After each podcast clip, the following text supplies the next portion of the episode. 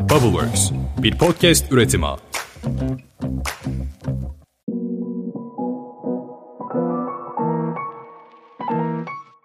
Merhabalar herkese. Favori podcastiniz Start Point Podcast'ine hoş geldiniz. Çok uzun zamandır podcast çekmiyormuş gibi hissediyorum.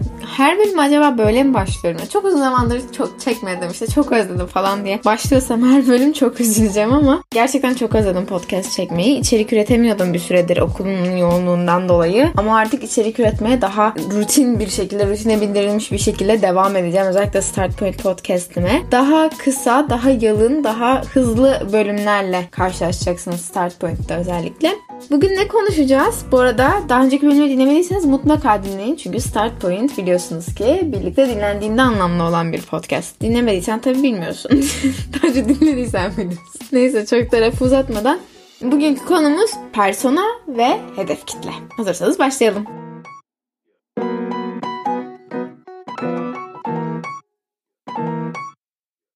Ne demek bu persona, ne demek bu hedef kitle? Öncelikle bir buna bakalım. Niye buna ihtiyaç duyuyoruz? Yani kim bizim personamız, kim bizim hedef kitlemiz buna bir bakalım. Şimdi evet girişim fikrimiz vardı, rakiplerimizi analiz ettik, hedef kitlemizi belirledik, pazar araştırması yaptık, anketler yaptık vesaire. Kim bizim hizmetimize, ürünümüze para vermeye hazır, kim bizim hizmetimize, ürünümüze para vermez, hangi tipteki insanlar para verir, hangi tipteki insanlar bizi kullanır, severek kullanır, hangi tipteki insanların ilgisini çekmiyoruz. Bunu artık bir belirlememiz lazım. Bu da bizim hedef kitlemiz. Yani ürünümüzü kime pazarlayacağız? Ürünümüzün satışını kimlere yapacağız? Kimlere odaklı ilerleyeceğiz aslında. Bizim bu ürünü satmamız için bir ürünü ya da bir hizmeti satmamız için birinin önüne çıkarmamız gerekiyor bunu. Hiç ilgilenmeyen bir kişinin önüne çıkarırsak tabii evet biz her ya şey isteriz genellikle. Çoğu yeni girişimci de vardır bu hata. E, herkese satayım ben ürünü. Yani herkes alsın niye almasın ki ben öyle bir ürünü yapıyorum ki herkese hitap edecek yani bu ürün diyebilirsiniz. Fakat başlamak için bu çok doğru bir nokta değil. Yani genellikle benim böyle söylediğim bir durum var. İşte sosyal medyadan gelen sorularda herkese hitap etmek istersen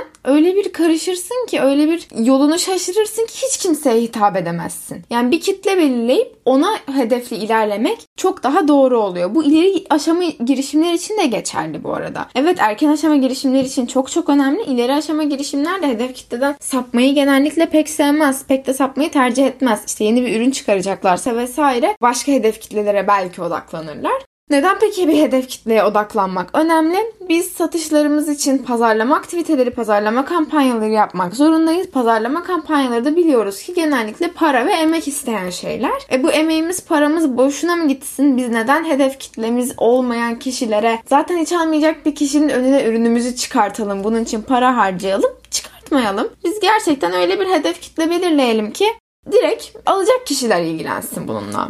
Peki biz bu hedef kitlemizi nasıl bulacağız? Bir önceki bölümde konuştuk ya hani değer önerini bulmakla, değer önerini belirlemekle daha doğrusu. Sen bu değeri kime sunabilirsin? Bu soruyu kendine sorman gerekiyor. Bu soruyu girişimin için kendine sorman gerekiyor. Ürünün için, hizmetin için kendine sorman gerekiyor. Ben bu ürünü kime pazarlayacağım? Bu insan neden bu değer önerisini kullansın? Kısacası bu ürünü, bu hizmeti kim kullanmalı? Kim benim hedef kitlem? Ben mesela daha önceki bölümlerde Campy'den bir örnek vermiştim. Campy'nin hedef kitlesi deneyimsiz kampçılar. Deneyimli kampçılar değil. Çünkü Camp aslında kamp alanlarına ve karavan alanlarına rezervasyon yapan bir sistem. Rezervasyon yapabileceğin bir web sitesi. E rezervasyon için ne gerekli? Bir tatil alanı gerekli değil mi? Bir tesis gerekli, turizm tesisi gerekli. Ben deneyimli kampçının nerede kamp yaptığını biliyorum. Bu arada bunu hep anketlerin sonucunda bulduk. Yani biz fikre bu kadar hakim değildik anket yapmadan önce. Yani deneyimli kampçı nerede, deneyimsiz kampçı nerede bunu çok hakim değildik. Anketlerimiz sonucunda deneyimli kampçıların zaten doğada, dağda, işte gölün kenarında kendileri kamp kurarak kamp yaptıklarını fark ettik. O nedenle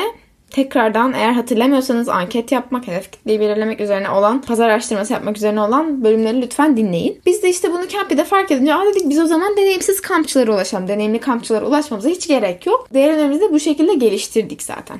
Hedef kitlemizi de belirledikten sonra şimdi gelelim personalara. Persona ne demek? Bu arada hedef kitle aslında bir kitle. Ama persona tekil kişiyi temsil eden bir kavram. Bir bireyi temsil ediyor. Bir karakteri temsil ediyor aslında persona. Mesela kamp için persona ne olabilir? 3 yıllık kampçı ama tesislerde konaklamayı seven 9-5 çalışan bir beyaz yakalı, bir mühendis. Bu bir personadır. Başka çalışmayan 25 yaşında yeni mezun bir ev erkeği. Bu da bir kampçı bizim için bu da bir persona. Sonrasında bankacı moda ile ilgilenen 26 yaşında kadın.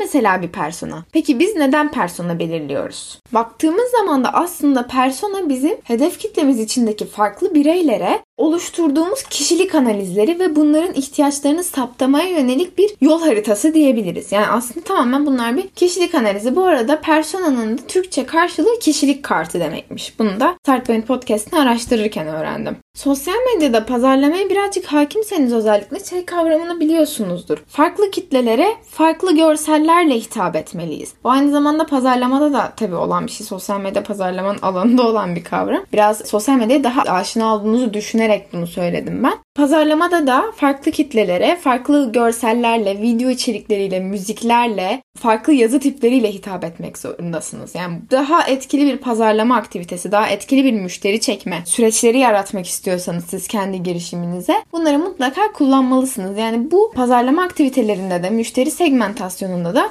personalardan yararlanmanız gerekiyor. Yani pazarlama süreçlerine başlamadan önce de belirli hedeflere yönelik olarak personalarımızı yaratmalıyız. Zaten bu konuşmaya başlamadan önce ben böyle ufak tefek personalardan örnekler verdim. Ama tabii ki çok havada kalmış olabilir. Yani onlar benim aklıma gelen personalar. Her müşteri kitlesinde olan şeyler değil. Neye belirlemeniz gerekiyor? Nelere bakmanız gerekiyor? Mesela şimdi onlardan böyle bir iki örnek vereyim. Bir kere cinsiyete bakılıyor genellikle. E, ya da belirtmek istenmediğinde de belirtmek istenilmeyebiliyor. Yaş, profil, eğitim seviyesi, sosyoekonomik durumu, daha önce ilgilendikleri ürünler, daha önce satın aldıkları ürünler. E, bu şekilde bir analiz yapılır ya da işte e, mesleği, takip ettiği sosyal medya hesapları, sevdiği markalar, işte sevdiği kozmetik ürünü kullanıyorsa kozmetik ürünleri, ta, işte mesela kempi için tatil yapma alışkanlıkları, daha önce ziyaret ettiği yerler, daha önce Google aramalarında nerelere bakmış, nereleri gezmekten hoşlanıyor. Sizin mesela bir kozmetik şirketiniz varsa cildi nasıl?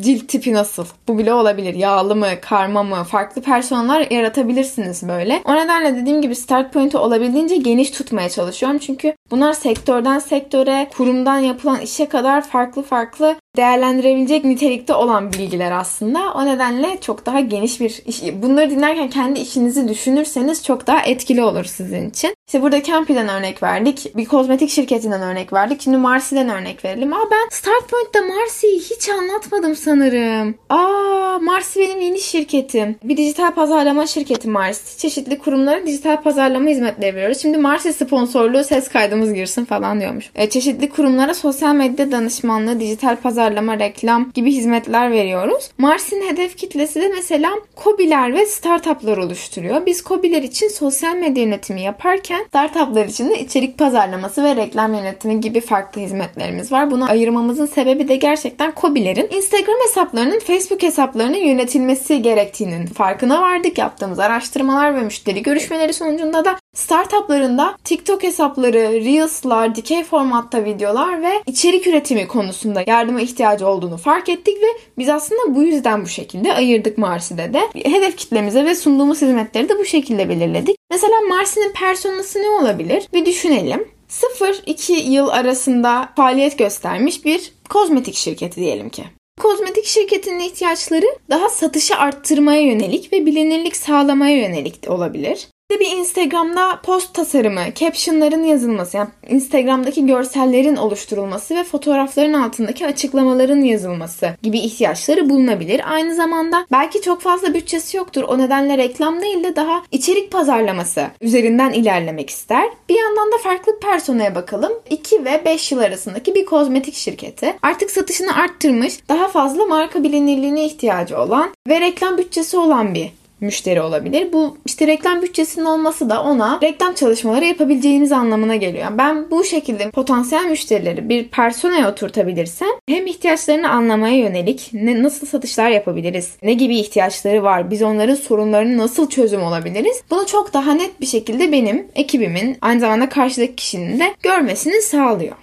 Siz de bu dediğim yöntemleri kendi işinizde, kendi girişim fikrinizde kullanarak veya da projelerinizde kullanarak hedef kitlenizi ve personalarınızı oluşturabilirsiniz. Bölümü beğendiyseniz beni sosyal medya hesaplarınızda paylaştığınız için çok teşekkür ederim. Aynı zamanda arkadaşlarınızla da paylaştığınız için çok teşekkür ederim. Beni de takip etmeyi unutmayın. Ediyorsunuzdur diye zaten tahmin ediyorum. Aynı şekilde benim Patreon'dan desteklemek isterseniz de Patreon linkim açıklamalar kısmında bütün sosyal medya mecralarımda. Açıklamalar kısmında buradan Bubbleworks ekibini de çok öpüyorum öpüyorum. Öyle yani arkadaşlar sosyal medyada bana bütün sorularınızı sorabilirsiniz. Instagram'dan olabildiğince çok cevaplamaya çalışıyorum. Daha uzun sorularınız olursa daha ya bunu bir video çek, YouTube videosu yap dediğiniz sorular varsa da YouTube videosu yapmak istiyorum. Bu arada bundan sonraki Start Point bölümlerinde sosyal medyadan bana gelen Bulbiz uygulamasından, Instagram'dan, TikTok'tan toparladığım 3 farklı soruyu her bölümün sonunda cevaplayacağım sizin için. O nedenle de bana sorularınızı ulaştırmaktan hiçbir zaman çekinmeyin. En çok gelen soruları olabildiğince olabildiğince yanıtlamaya çalışıyorum ya da en farklı size en fayda sağlayabilecek soruları yanıtlamaya çalışacağım. O zaman bir sonraki bölümde görüşmek üzere. Hoşçakalın.